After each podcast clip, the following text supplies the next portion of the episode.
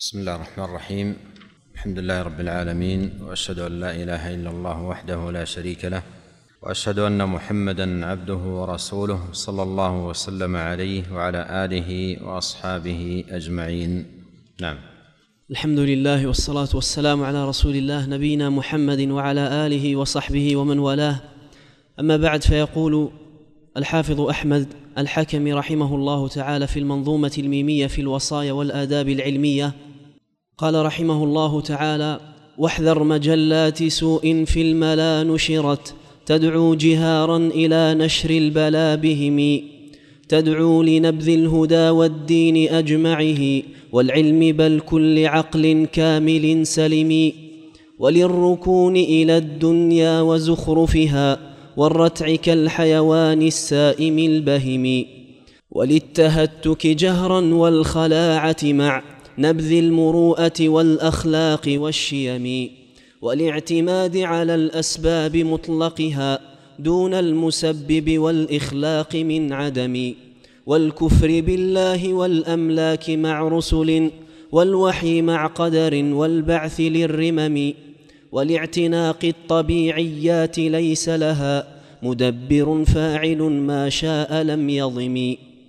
قامت لديهم بلا قيوم نبدعها مسخرات لغايات من الحكم سموه مدحا له العلم الجديد بل الكفر القديم ومنه القول بالقدم.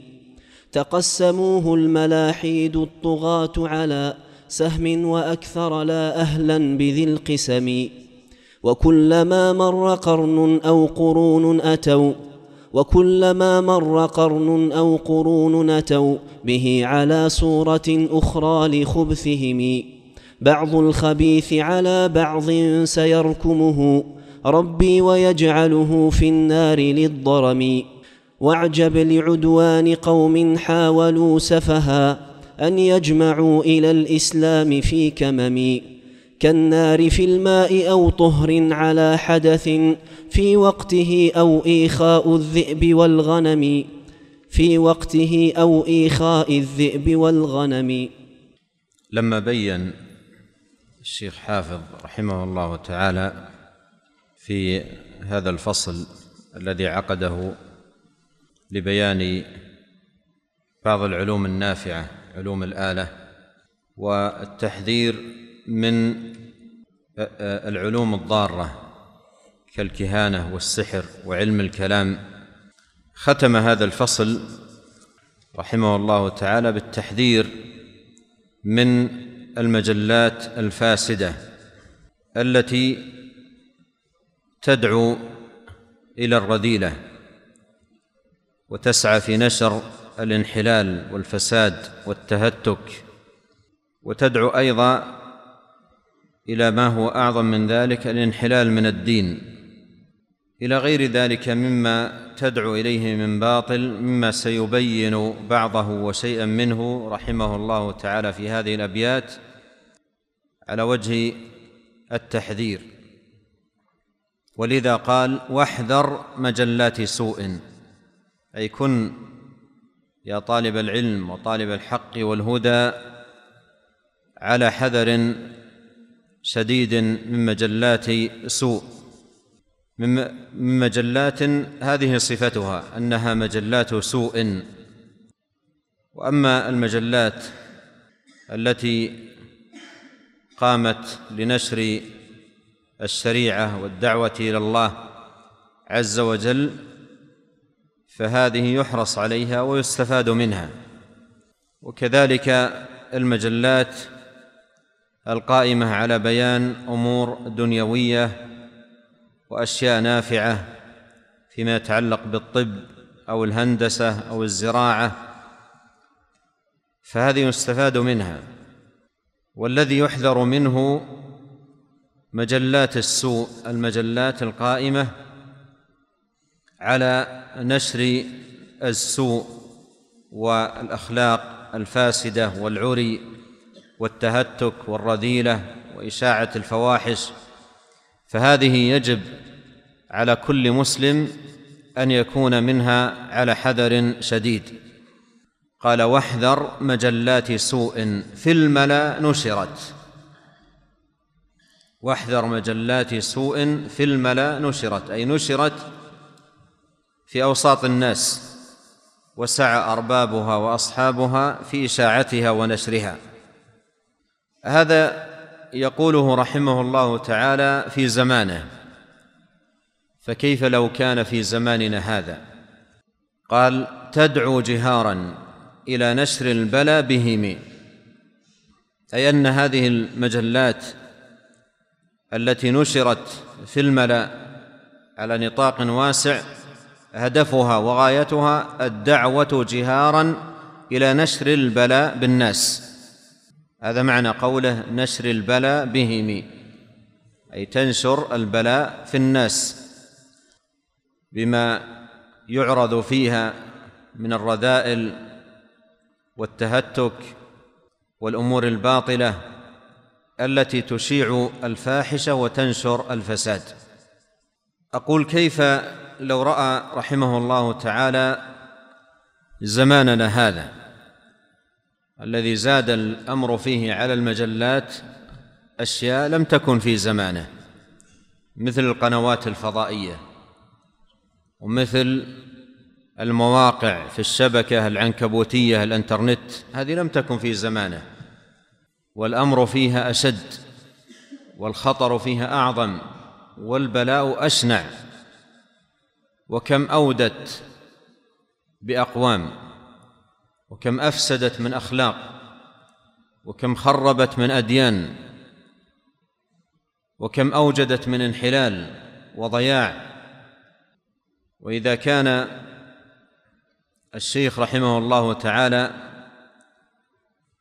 يحذر من مجلات سوء فإن القنوات التي تحمل الرذيلة كذلك المواقع في شبكة الانترنت التي تحمل الرذيلة والفساد وأنواع الفتن فتن الشبهات وفتن الشهوات الأمر فيها أخطر وأشد.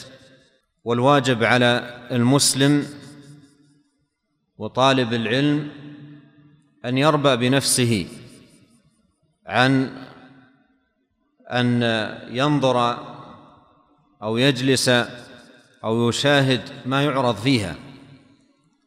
ولا ولا يقول عندي إيمان يزعني أو دين يردعني فهي فتنة خطيرة وعواصف جارفة وهي في غاية الخطورة.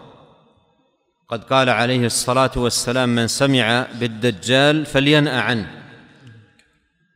لا لا يقترب لا يقترب من الفتنة ويقول عندي إيمان يمنعني.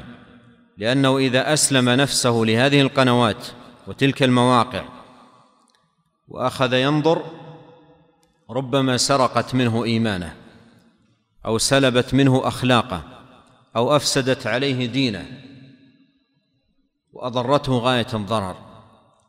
وإذا كان الإنسان مخاطرا بشيء فلا يخاطر بدينه فإن الدين أثمن شيء يملكه الإنسان. والجلوس إلى تلك القنوات وتلك المواقع ومشاهدة ما فيها هذا في حقيقة الأمر مخاطرة بالدين. وإذا كان الإنسان مخاطرا بشيء فلا يخاطر بدينه. فإن دينه أثمن شيء يملكه في هذه الحياة. وهذا أمر تهاون فيه كثير من الناس حتى طلبة العلم. وأصبح الآن بعض الناس بل كثير يجلس في خلوة باطلة مع تلك القنوات. أو تلك المواقع. يغلق على نفسه الباب ثم يتنقل بين مواقع الفساد وقنوات الرذيلة من قناة إلى قناة ومن موقع إلى موقع. ومع مضي الوقت على هذه الحال تذهب الأخلاق. ويملأ القلب بالشبهات.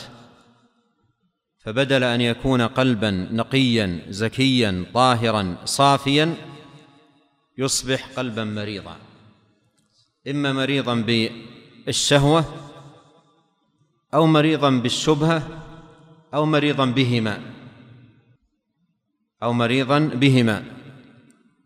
وأذكر أحد العلماء الأفاضل. حدثني عن شخص يقول افتقدته على معرفة مني بنشاطه وجده ثم قابلته وسألت عن حاله. قال لي متألما على حاله ووضعه قال لي ليس في مما تعرف عني سابقا إلا المظهر الخارجي. ليس في مما تعرف مني سابقا إلا المظهر الخارجي. يقول اهلكتني المواقع والقنوات. ولهذا يجب على المسلم وطالب العلم طالب العلم وقت ثمين وهو يعرف قيمة الوقت. فلا فلا يخاطر بدينه. لا يخاطر بدينه بالجلوس إلى تلك القنوات الباطلة أو المواقع الفاسدة ولا يستهويه فضول نظر أو فضول سمع أن يطالع لأن تلك المطالعة تفضي إلى سرقة الأديان والأخلاق. والكفار في هذا الباب وأرباب الشهوات والباطل يمكرون مكرا كبارا. وكانوا قديما لا يتمكنون من الوصول إلى بيوتات المسلمين وأفكار الناشئة وعقولهم. أما الآن في زماننا أصبحت رذائلهم وحقاراتهم أصبحت رذائلهم وحقاراتهم وباطلهم وفسادهم تحمله الرياح. بل بل ليست رياح بل هي أعاصير مدمرة تدمر البيوت والأديان والأخلاق والفضائل وتنشر الفاحشة والرذيلة. ولهذا يجب على المسلم أن يكون عصاميا. محافظا على دينه ليس مخاطرا به. لا يخاطر يقول انظر. واشاهد فقط ولن أتأثر. بل يجب عليه أن يغلق كل باب من كل باب من أبواب الفتنة وكل باب من أبواب الشر والفساد. والمصيبة عظيمة. المصيبة عظيمة والبلاء كبير والخطر فادح. وإذا كان طالب العلم يجلس إلى تلك القنوات أو تلك المواقع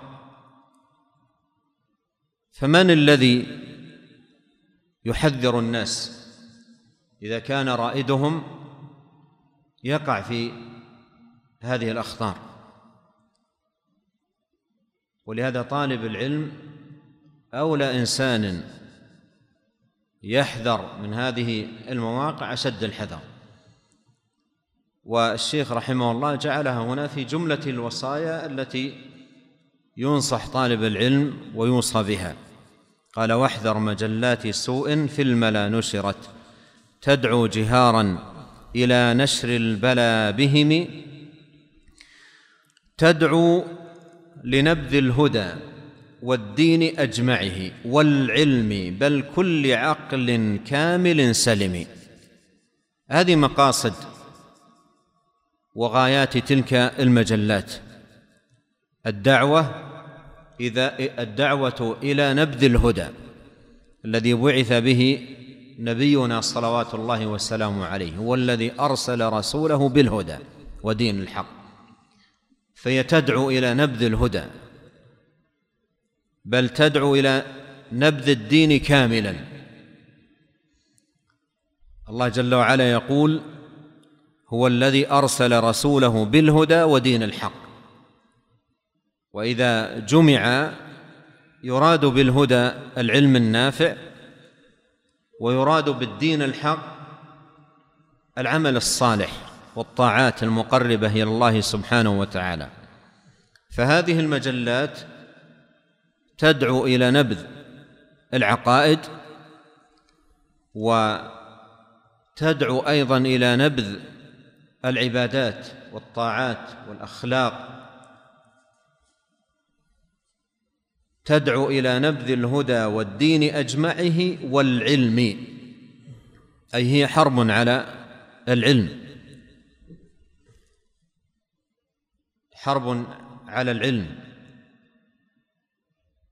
وفيها في تلك المجلات ينتقص العلم ويقلل من شأنه ويحتقر العلماء وتزدر مكانتهم ويهون من قيمتهم ويستخف بهم ويستخف بالعلوم الشرعية. وفيها بمقابل ذلك تعظيم الأشياء الباطلة. والحقارات الفاسدة باسم الحضارات وباسم التمدن وباسم الرقي في شعارات تبرز وتحتها تهدم الأخلاق وينشر الشر والفساد. قال والعلم أن يدعى فيها إلى نبذ العلم بل كل عقل كامل سلم أيضا هي مفسدة للعقول. بدل أن يصبح عقل الإنسان عقلا راجحا رصينا رزينا يصبح عقلا تافها حقيرا. بل يصبح عقلا بهيميا. لا اهتمام له إلا في حدود اهتمام بهيمة الأنعام. أما المعاني العظيمة والأمور الجليلة والأخلاق الفاضلة فهذه كلها تترحل. إذا مضى الإنسان في النظر إلى تلك المجلات أو المواقع أو القنوات قال وللركون إلى الدنيا وزخرفها. أي مما تدعو إليه هذه المجلات الدعوة إلى الركون إلى الدنيا وزخرفها. بحيث لا يكون هم الإنسان إلا الحياة الدنيا ولا هم له في الآخرة. وقد قال الله تعالى من كان يريد العاجلة عجلنا له فيها ما نشاء لمن نريد ثم جعلنا له جهنم يصلاها مذموما مدحورا ومن أراد الآخرة وسعى لها سعيها وهو مؤمن فأولئك كان سعيهم مشكورا. فإذا هذه المجلات من الأمور التي تعنى أو تهتم بالدعوة إليها الدعوة إلى الركون إلى الدنيا وزخرفها بحيث تصبح الدنيا هي هم الإنسان وغاية مناه ولا هم له في الآخرة.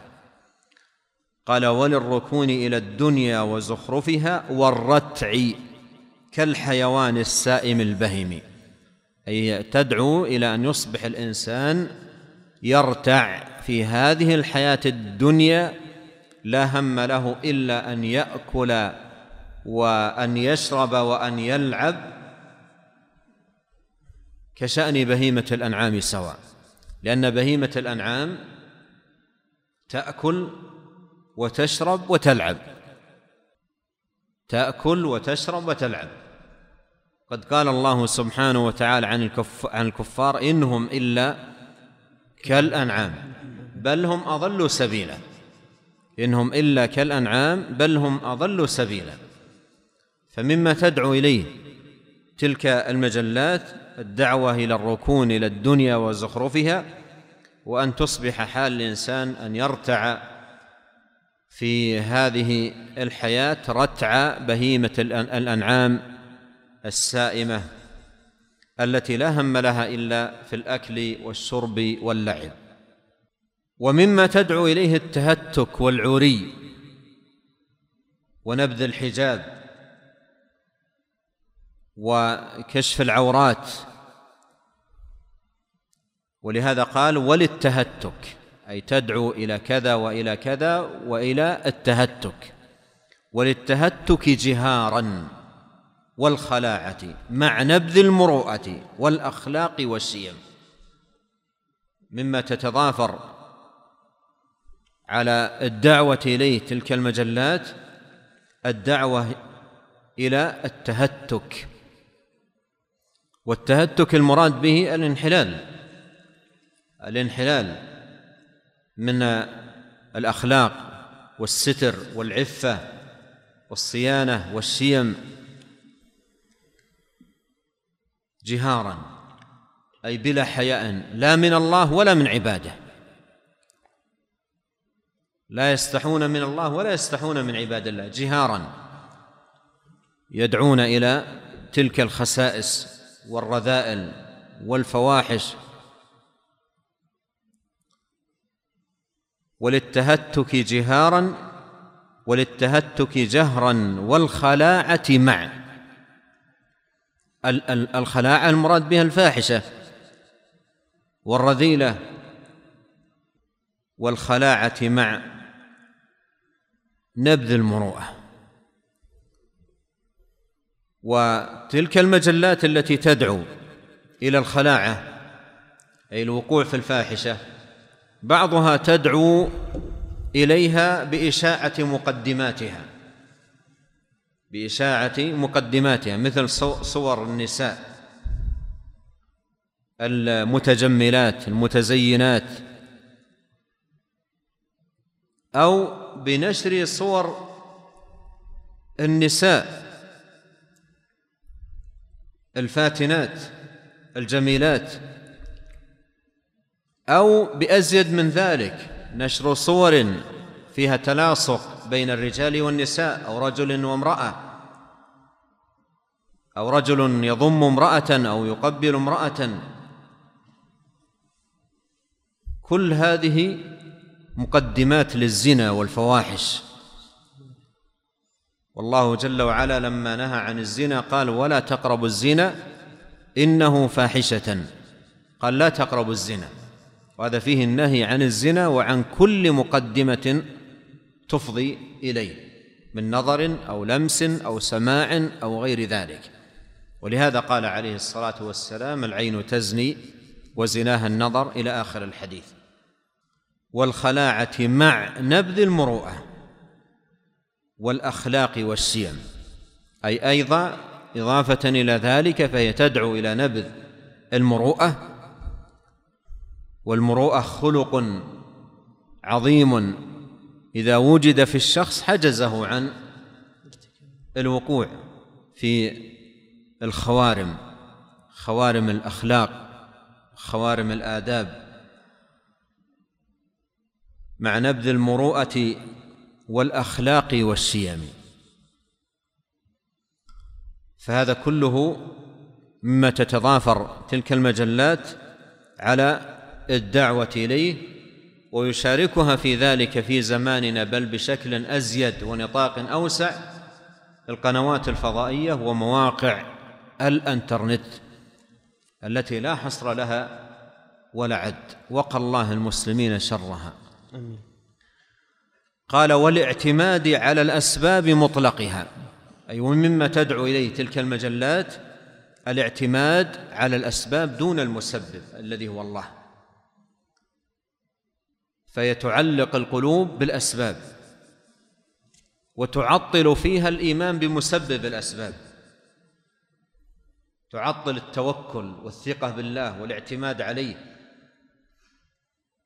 وتدعو إلى التعلق بالأسباب والركون إليها وتعظيم شأنها. فيها حديث واسع عن قدرات الإنسان وقواه وإمكانياته ولا ترى فيها بإذن الله أو إن شاء الله أو توكل على الله أو فوض أمرك إلى الله أو نحو ذلك من أمور الإيمان التي هي أساس الفلاح والنجاح في الدنيا والآخرة. احرص على ما ينفعك واستعن بالله. الدعوة إلى الاستعانة بالله والتوكل عليه والثقة به وتفويض الأمر إليه لا لا يعتنى بها ولا يهتم. وإنما الدعوة في تلك المجلات قائمة على التعلق بالأسباب والتعلق بها والاعتماد عليها دون المسبب. دون المسبب دون المسبب والإخلاق من عدمه لعله الله أعلم دون المسبب والخلاق من عدمه أي الله جل وعلا. الذي بيده الأسباب وبيده الخفض والرفع والقبض والبسط والعطاء والمنع وبيده تبارك وتعالى أزمة الأمور. فكيف يدعى إلى التعلق بالأسباب والأمر بيد الخلاق من عدم؟ جل وعلا مسبب الأسباب وخالق مسبب الأسباب وخالق كل شيء. والكفر بالله أي ومما تدعو إليه تلك المجلات الكفر بالله سبحانه وتعالى. إما فيما يتعلق بربوبيته جل وعلا أو أسمائه وصفاته وعظمته أو تحقيق العبودية له أو الاستخفاف بدينه والحق والهدى الذي أمر به جل وعلا أو التشكيك في أمور الإيمان التي هي من الإيمان به. إلى غير ذلك من أنواع الكفر. والكفر بالله والأملاك أي وتدعو إلى الكفر بالملائكة. ففيها الاستخفاف بالملائكة والتهوين أو الجحد لوجود الملائكة أو القول بأن الملائكة لا لا حقيقة لها وإنما هي رموز أو غير ذلك. من من أنواع الكفر بالملائكة. والإيمان بالملائكة أصل من أصول الإيمان. قال والكفر بالله والأملاك مع رسل والوحي مع قدر والبعث للرمم.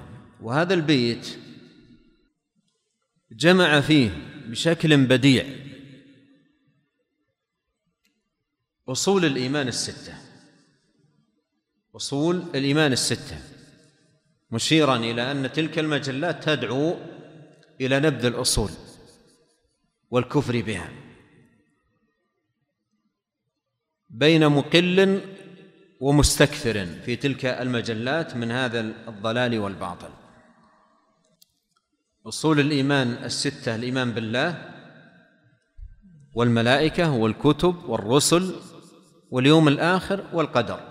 خيره وشره وجميع هذه الأركان جمعها الشيخ هنا قال مع والكفر بالله هذا الكفر بالأصل الأول والأملاك هذا الكفر بالأصل الثاني مع رسل هذا الكفر بالأصل الثالث والوحي هذا الكفر بالأصل الرابع الايمان بالكتب مع قدر هذا الكفر بالأصل الخامس الايمان بالقدر والبعث للرمم هذا الكفر بالأصل السادس الإيمان باليوم الآخر. وقوله للرمم في اللسان رم العظم وهو يرم بالكسر رم رما ورميما وأرم صار رمة أي بليا والبعث للرمم أي والبعث للرمم والبعث للرمم أي البعث للأجساد التي بلت. أصبحت بالية في القبور. ومما تدعو إليه تلك المجلات؟ قال ولاعتناق الطبيعات. ليس لها. مدبر فاعل ما شاء لم يضم. أي مما ينشر في في تلك المجلات الدعوة لاعتناق الطبيعات. من الخالق لهذا الكون ومن الموجد له الطبيعة. وهذه المخلوقات هي التي أوجدت نفسها. وليس هناك خالق لها بل هي أشياء أوجدتها الطبيعة. لا خالق لها ولا موجد ولا صانع لها ولا مبدع. أم خلقوا من غير شيء؟ أم هم الخالقون؟ أم خلقوا السماوات والأرض بل لا يوقنون؟ وإنكار الخالق والقول بالطبيعة وأن هذه الأشياء وجدت صدفة هذه مقالة قديمة. وما يهلكنا إلا الدهر. هذه مقالة قديمة. ولكنها مثل ما سيشير الشيخ تتكرر بصيغ وأساليب. بين زمان وآخر. ودائما أصحاب هذا الباطل يحاولون نشر هذه العقيدة من خلال أبرز الأشياء التي تشاع أو تنتشر في ذلك أو في الزمان الذي يعيشونه. ومما يذكر في هذا الباب أن الإمام أبا حنيفة رحمه الله دعي للمناظرة مع قوم هم من هذا القبيل. وكان بينه وبينهم نهر فتأخر عمدا عن المجيء للمناظرة ثم جاء. فسئل عن سبب أو سألوه عن سبب التأخر. فقال كنت على طرف النهر أبحث عن سفينة تنقلني إلى الشط الذي أنتم فيه فلم أجد وبينما أنا أنتظر إذا بأخشاب تجمعت ومسامير تركبت وإذا بها تدخل بعضها في بعض حتى أصبحت سفينة صدفة. وركبت فيها ومشت وجاءت بي. قالوا هذا العالم الذي جئتم به لمناظرتنا هذا لا يصدق ولا يقول. قال إذا كنتم لا تصدقون أن سفينة صغيرة تركبت بهذه الصفة صدفة فكيف صدقت عقولكم أن الكون كله وجد بالصدفة؟ فألجمهم. هذه تنقل وتروى في بعض الكتب عن الإمام أبي حنيفة رحمه الله تعالى. قال ولإعتناق الطبيعات ليس لها مدبر فاعل. أي أي يدعو هؤلاء إلى اعتقاد أن آه، الطبيعة هذه المخلوقات أوجدتها الطبيعة وليس لها خالق ليس لها مدبر فاعل موجد.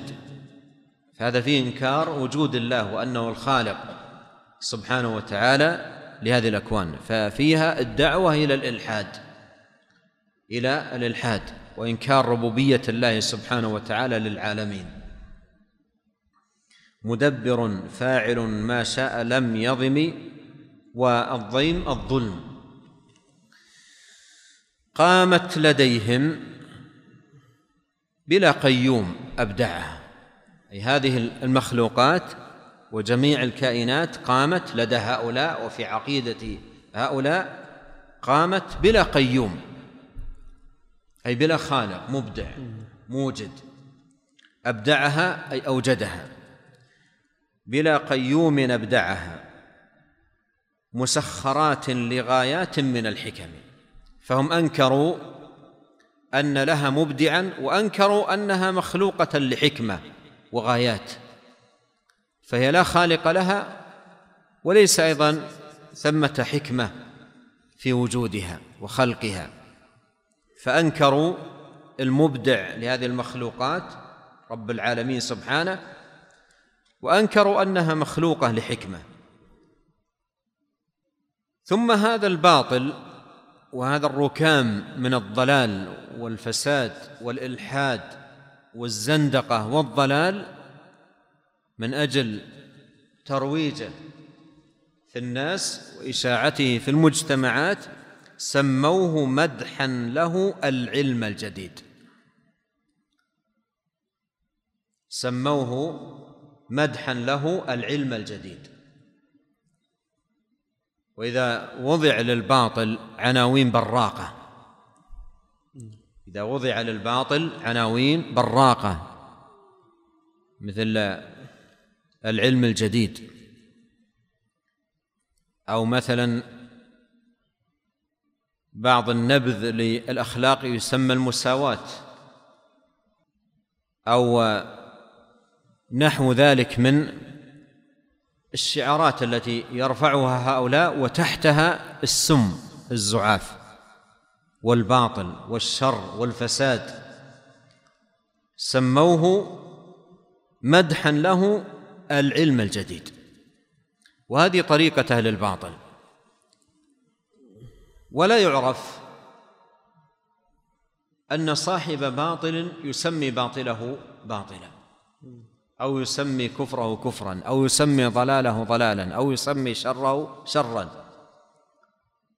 دائما صاحب الباطل يسمي باطله بأسماء جميلة من أجل أن يقبل وأن ينتشر بين الناس.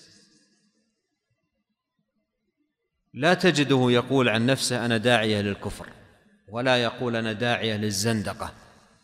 ولا يقول أنا داعية للخلاعة أو كذا بل يأتي بأسماء براقة. مثلا إذا كان فتح مكانا أراد من خلاله أن يشيع الفاحشة والرذيلة والزنا. تجد مثلا يضع عنوان الفنون الجميلة. الفنون الجميلة. ويأتي الشاب والشبان وينظرون الفنون الجميلة يلا ندخل. فنون جميلة. ثم في الداخل يبدأ معهم بخطوات إلى الوقوع في عفن الرذيلة. فالعنوان شيء والمضمون شيء آخر. إن كان داعية للإلحاد والكفر بالله سبحانه وتعالى يضع اللافتة على مكانه أو مجلته أو موقعه يضع عنوانا جذابا يضع عنوانا جذابا يصطاد به العقول المغفلة. فهذه طريقة هؤلاء قديما وحديثا. قال سموه مدحا له العلم الجديد العلم الجديد. لكن ما حقيقته؟ قال بل الكفر القديم. بل الكفر القديم هذا الذي يدعون إليه من الإلحاد والإيمان بالطبيعة وإنكار وجود الله وإنكار اصول الإيمان إلى آخره هذا ليس علما جديدا هذا كفر قديم معروف. أكفاركم خير من أولئكم؟ هذا هذا هذا معروف هذا كفر قديم. وفي القرآن وفي السنة وفي كلام أهل العلم إبطال لكل هذا. ما من باطل لدى هؤلاء إلا وإبطاله في كتاب الله وسنة نبيه صلى الله عليه وسلم وفي أقاويل أهل العلم ومؤلفاتهم النافعة. بل الكفر القديم ومنه أي من هذا الكفر القول بالقدم. هذا معروف. يعني قول الفلاسفة الأول الذين يقولون بقدم العالم وأن العالم قديم. هذه مقال الفلاسفة معروفة من القدم. فالقول باعتناق الطبيعة وإنكار ربوبية الله سبحانه وتعالى وإنكار أصول الإيمان الذي سماه بعض ملاحدة العصر العلم الجديد هو في الحقيقة كفر قديم. كفر قديم لكن طريقة أهل الباطل آه، إن صحت العبارة التفنن في عرض الباطل ومحاولة مواكبة الزمان الذي يعيشونه لنشر باطلهم من أبرز من خلال أبرز شيء يجذب أهل آه، ذلك الزمان. قال رحمه الله تقاسموه الملاحيد الطغاة على سهم وأكثر. يعني هذا الكفر والضلال والباطل تقاسموه. يعني ميراث يعني هو يصور الشيخ هذا الكفر أنه كفر قديم وهؤلاء المعاصرين هم ورثوا تركة قديمة تركة تركة الباطل الموجودة من القدم. فهو ميراث شيء موجود قديم لكن هؤلاء تقاسموه. ليس كما يزعمه هؤلاء أن علم جديد وأشياء اكتشفوها و آه، عرفوها من خلال العصر وعلومه ومكتشفاته. بل هذا كفر قديم لكن هؤلاء المعاصرين تقاسموه مثل الميراث. تقاسموه. تقاسموه الملاحيد الطغاة. على سهم وأكثر. يعني بعضهم أخذ منه من هذا الميراث سهم ومنهم من أخذ أكثر من سهم ومنهم من آه، كانت آه، جميع السهمان سهمان الباطل في نصيبه فتقاسم الطغاة الملاحيد هذا الضلال وهذا الكفر على سهم وأكثر. يقول رحمه الله لا أهلا بذي القسم لا أهلا بذي القسم. أي لا مرحبا ولا أهلا بهذه القسم لأنها قسم ضلال. وباطل وكفر.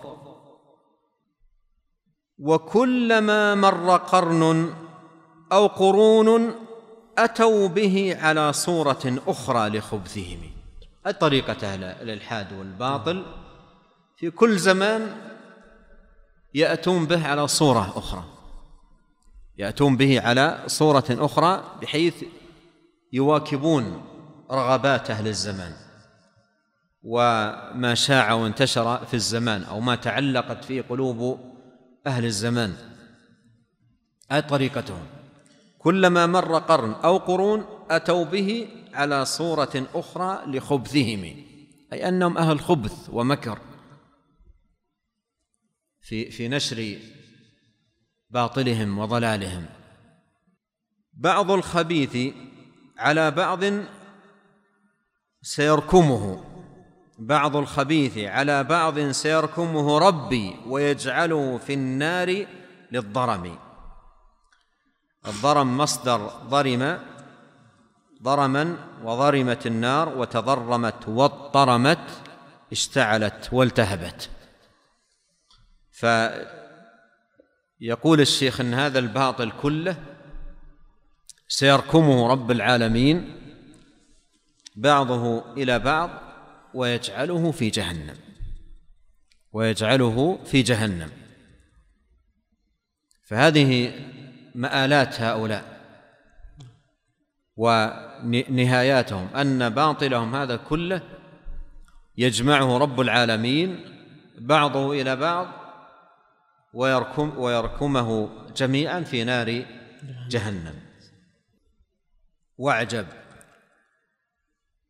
لعدوان قوم حاولوا سهف سفها. انظر تعجب الشيخ من حال أقوام من هؤلاء المبطلين المضلين. واعجب لعدوان قوم حاولوا سفها. أن يجمعوه يعني هذا الباطل أن يجمعوه إلى الإسلام في كمم يعني من محاولات بعض هؤلاء وطرائقهم في نشره أن حاولوا أن يجمعوا هذا الباطل والإسلام في كمم أي في موضع واحد وتحت ثوب واحد.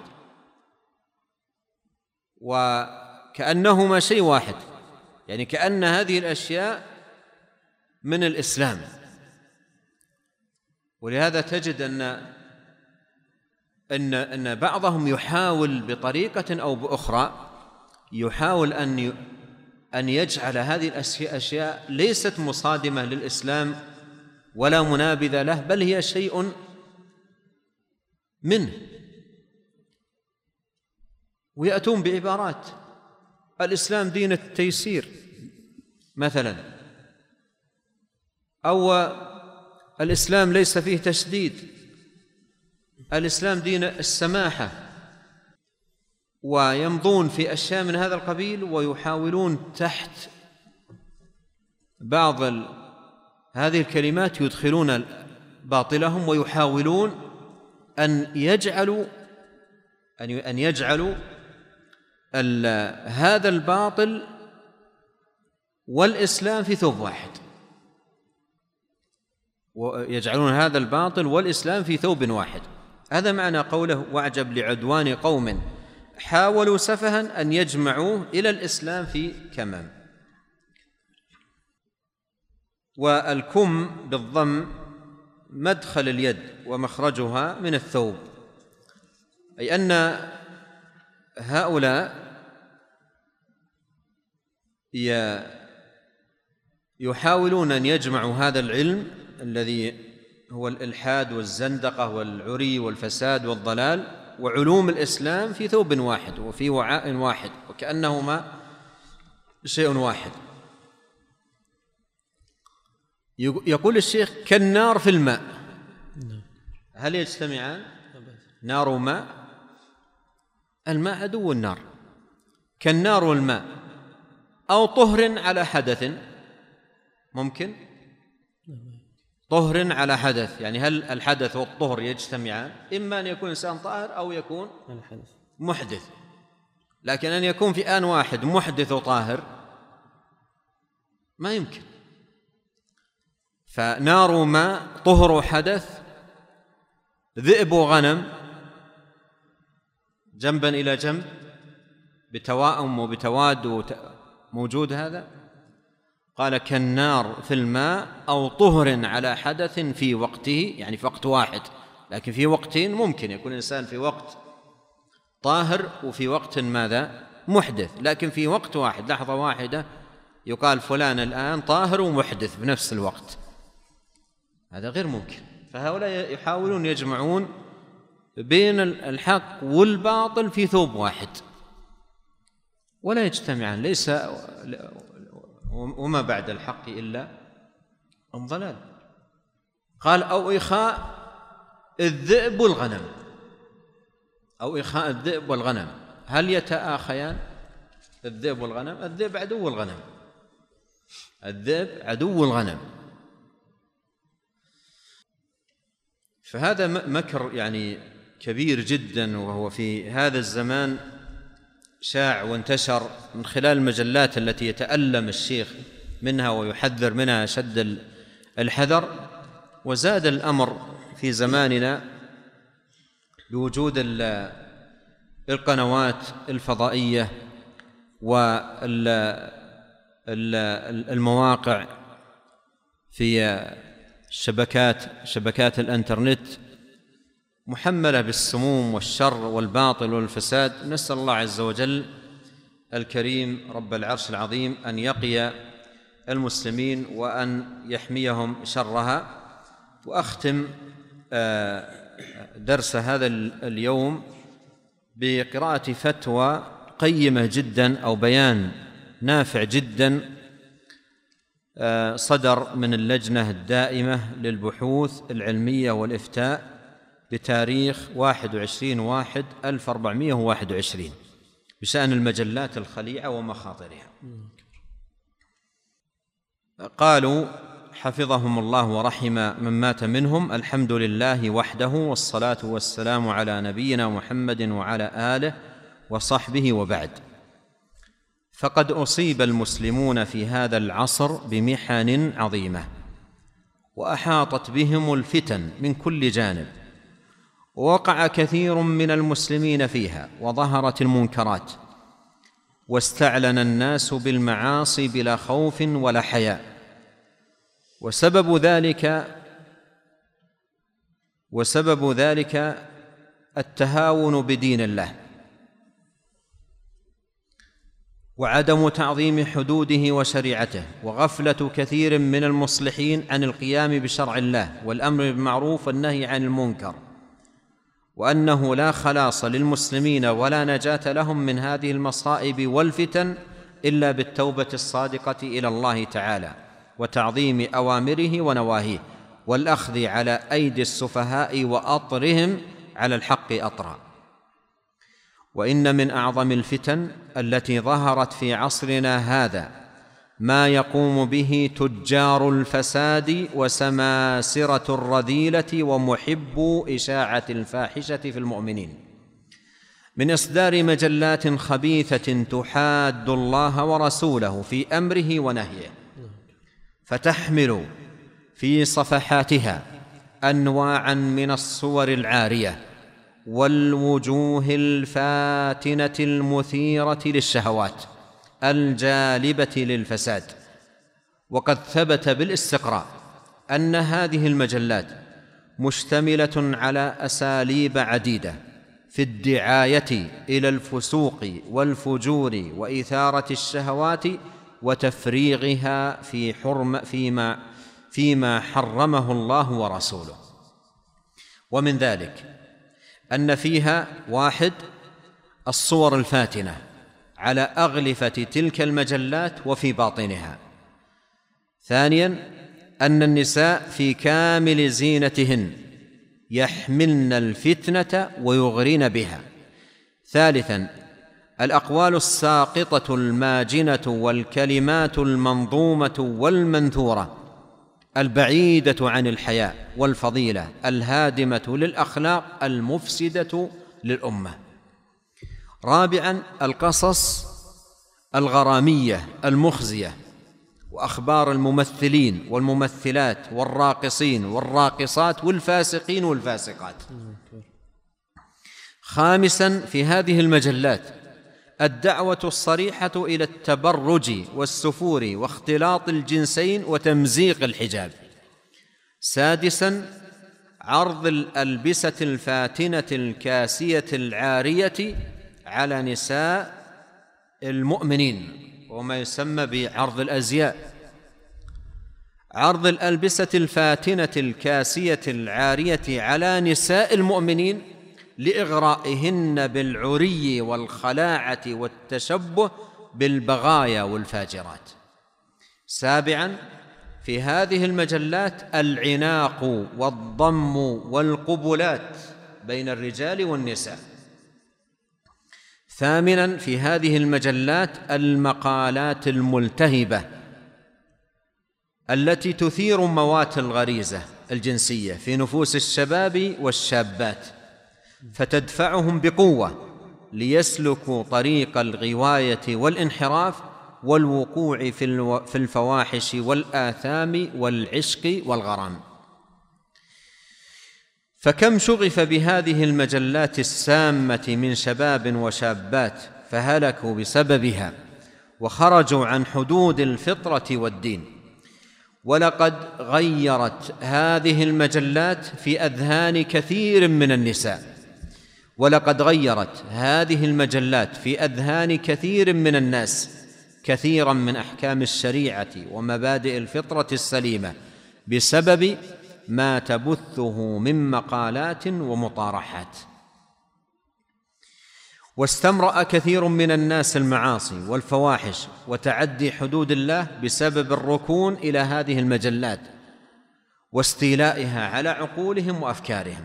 والحاصل أن هذه المجلات قوامها الاتجار بجسد المرأة التي أسعفها الشيطان بجميع أسباب الإغراء ووسائل الفتنة للوصول إلى نشر الإباحية وهتك الحرمات وإفساد نساء المؤمنين وتحويل المجتمعات الإسلامية إلى قطعان بهيمية لا تعرف معروفا ولا تنكر منكرا ولا تقيم لشرع الله المطهر وزنا ولا ترفع به راسا كما هو الحال في كثير من المجتمعات.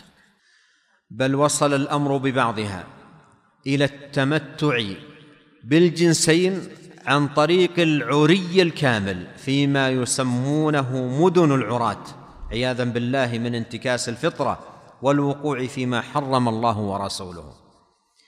هذا وإنه بناء على ما تقدم ذكره من من واقع هذه المجلات.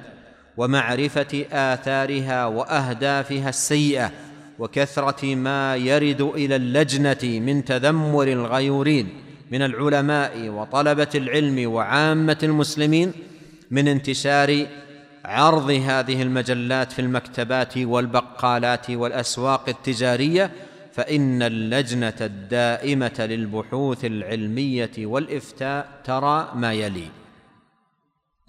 اولا يحرم إصدار مثل هذه المجلات الهابطة سواء كانت مجلات عامة أو خاصة بالأزياء النسائية. ومن فعل ذلك فله نصيب من قول الله تعالى إن الذين يحبون أن تشيع الفاحشة في الذين آمنوا لهم عذاب أليم في الدنيا والآخرة. الآية. ثانيا. يحرم العمل في هذه المجلات على أي وجه؟ على أي وجه كان؟ سواء كان العمل في إدارتها أو تحريرها أو طباعتها أو توزيعها لأن ذلك من الإعانة على الإثم والباطل والفساد. والله جل وعلا يقول ولا تعاونوا على الإثم والعدوان واتقوا الله إن الله شديد العقاب. ثالثا تحرم الدعاية لهذه المجلات وترويجها بأي وسيلة لأن ذلك من الدلالة على الشر والدعوة إليه. وقد ثبت عن النبي صلى الله عليه وسلم أنه قال من دعا إلى ضلالة كان عليه من الإثم مثل آثام من تبعه لا ينقص ذلك من آثامهم شيئا أخرجه مسلم في صحيحه. رابعا يحرم بيع هذه المجلات. والكسب الحاصل من ورائها كسب حرام. ومن وقع في شيء من ذلك وجب عليه التوبة إلى الله والتخلص من هذا الكسب الخبيث. خامسا يحرم على المسلم شراء هذه المجلات أو شراء هذه المجلات واقتناؤها لما فيها من الفتنة والمنكرات كما أن في شرائها تقوية لنفوذ أصحاب هذه المجلات ورفعا لرصيدهم المالي وتشجيعا لهم على الإنتاج والترويج وعلى المسلم أن يحذر من تمكين أهل بيته ذكورا واناثا من هذه المجلات حفظا لهم من الفتنة والافتتان بها وليعلم المسلم أنه راع ومسؤول عن رعيته يوم القيامة. سادسا على المسلم أن يغض بصره عن النظر في تلك المجلات الفاسدة طاعة لله ولرسوله صلى الله عليه وسلم وبعدا عن الفتنة ومواقعها. وعلى الإنسان ألا يدعي العصمة لنفسه. ولننتبه لهذا الكلام فهو في غاية الأهمية. وعلى الإنسان ألا يدعي العصمة لنفسه. فقد أخبر النبي صلى الله عليه وسلم أن الشيطان يجري من ابن آدم مجرى الدم. وقال الإمام أحمد رحمه الله تعالى كم نظرة ألقت في قلبها صاحبها البلاء؟ فمن تعلق بما في تلك المجلات من صور وغيرها أفسدت عليه قلبه وحياته وصرفته إلى ما لا ينفعه في دنياه وآخرته لأن صلاح القلب وحياته إنما هو في التعلق بالله جل جلاله وعبادته وحلاوة مناجاته والإخلاص له وامتلاؤه بحبه سبحانه. سابعا يجب على من ولاه الله على أي من بلاد الإسلام أن ينصح للمسلمين وأن يجنبهم الفساد وأهله ويباعدهم عن كل ما يضرهم في دينهم ودنياهم. ومن ذلك منع المجلات المفسدة من النشر والتوزيع وكف شرها عنهم وهذا من نصر الله ونصر دينه ومن أسباب الفلاح والنجاح والتمكين في الأرض كما قال الله كما قال الله سبحانه ولينصرن الله من ينصره إن الله لقوي عزيز الذين إن مكناهم في الأرض أقاموا الصلاة وآتوا الزكاة وأمروا بالمعروف ونهوا عن المنكر ولله عاقبة الأمور. والحمد لله رب العالمين والصلاة والسلام على نبينا محمد وعلى آله وصحبه ومن تبعهم بإحسان إلى يوم الدين اللجنة الدائمة للبحوث العلمية والإفتاء.